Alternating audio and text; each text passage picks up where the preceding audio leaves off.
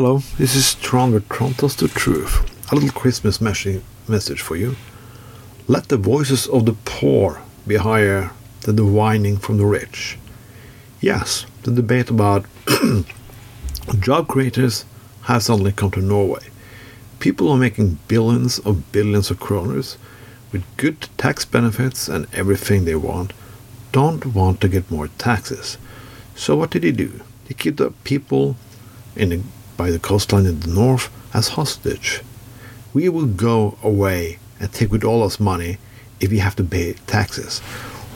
You should believe that these are people who have struggled to survive, like they have no money left. Uh, they have, uh, they have, they depend on even higher prices to make more money, and if they pay taxes, they will go bankrupt.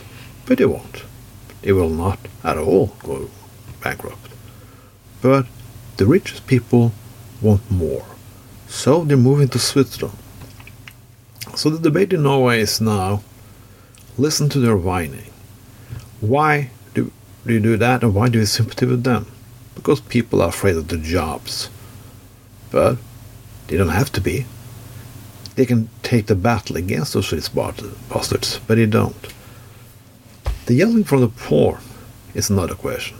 A lot of people in Norway don't have enough money. I mean, people who go on different pages and so on on the internet and ask for help to buy food. Well, they get answers. Some people in the situation are so cynical that we can give you food if you give us sex. Yeah, that's how Norway is now. We don't care about that. We care about the rich people who is going to Switzerland with all of billions. And people say like, oh, why the reason why I want to tax them is a jealousy. I'm not jealous of rich people. I'm not jealous at all.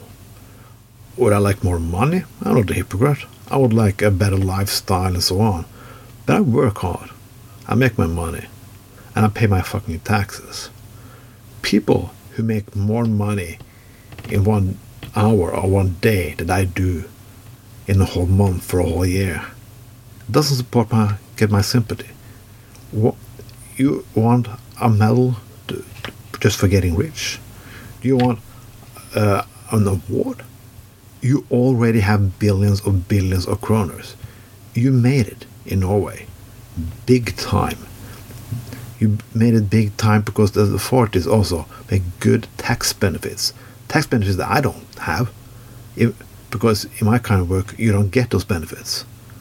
But the job creators did get them because we wanted them to create and succeed. So, what we're asking now is fucking giving something back.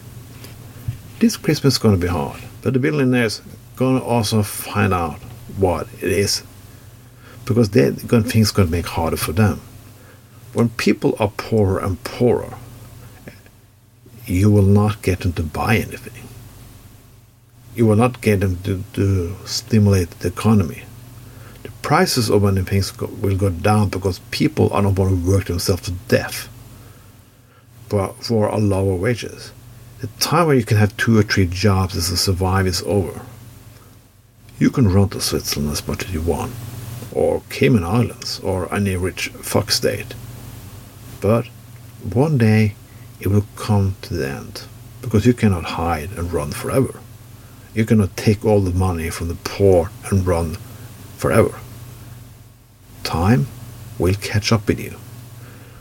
You may think that I sound like a hardcore communist now, but I don't. There have been many rebellions through history against greedy assholes. It's nothing to do with ideology. It's nothing to do with communism, fascism, or anything. It's just pure fucking anger.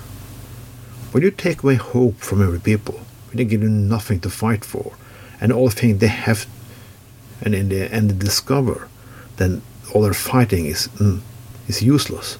They have to fight for scraps, and it's going to be that for generations. They get mad, and they will come and take you. You can choose doing the right thing now. You're still going to be millionaires. You're still going to be billionaires.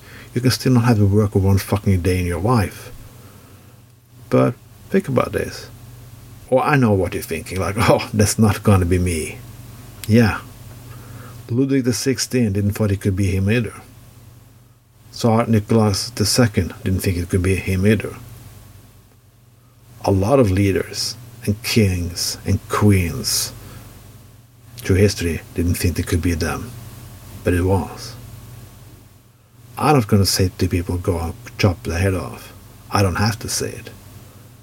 I'm just Nostradamus. I just tell us what's going to happen. This was Tron, but Tron tells the truth.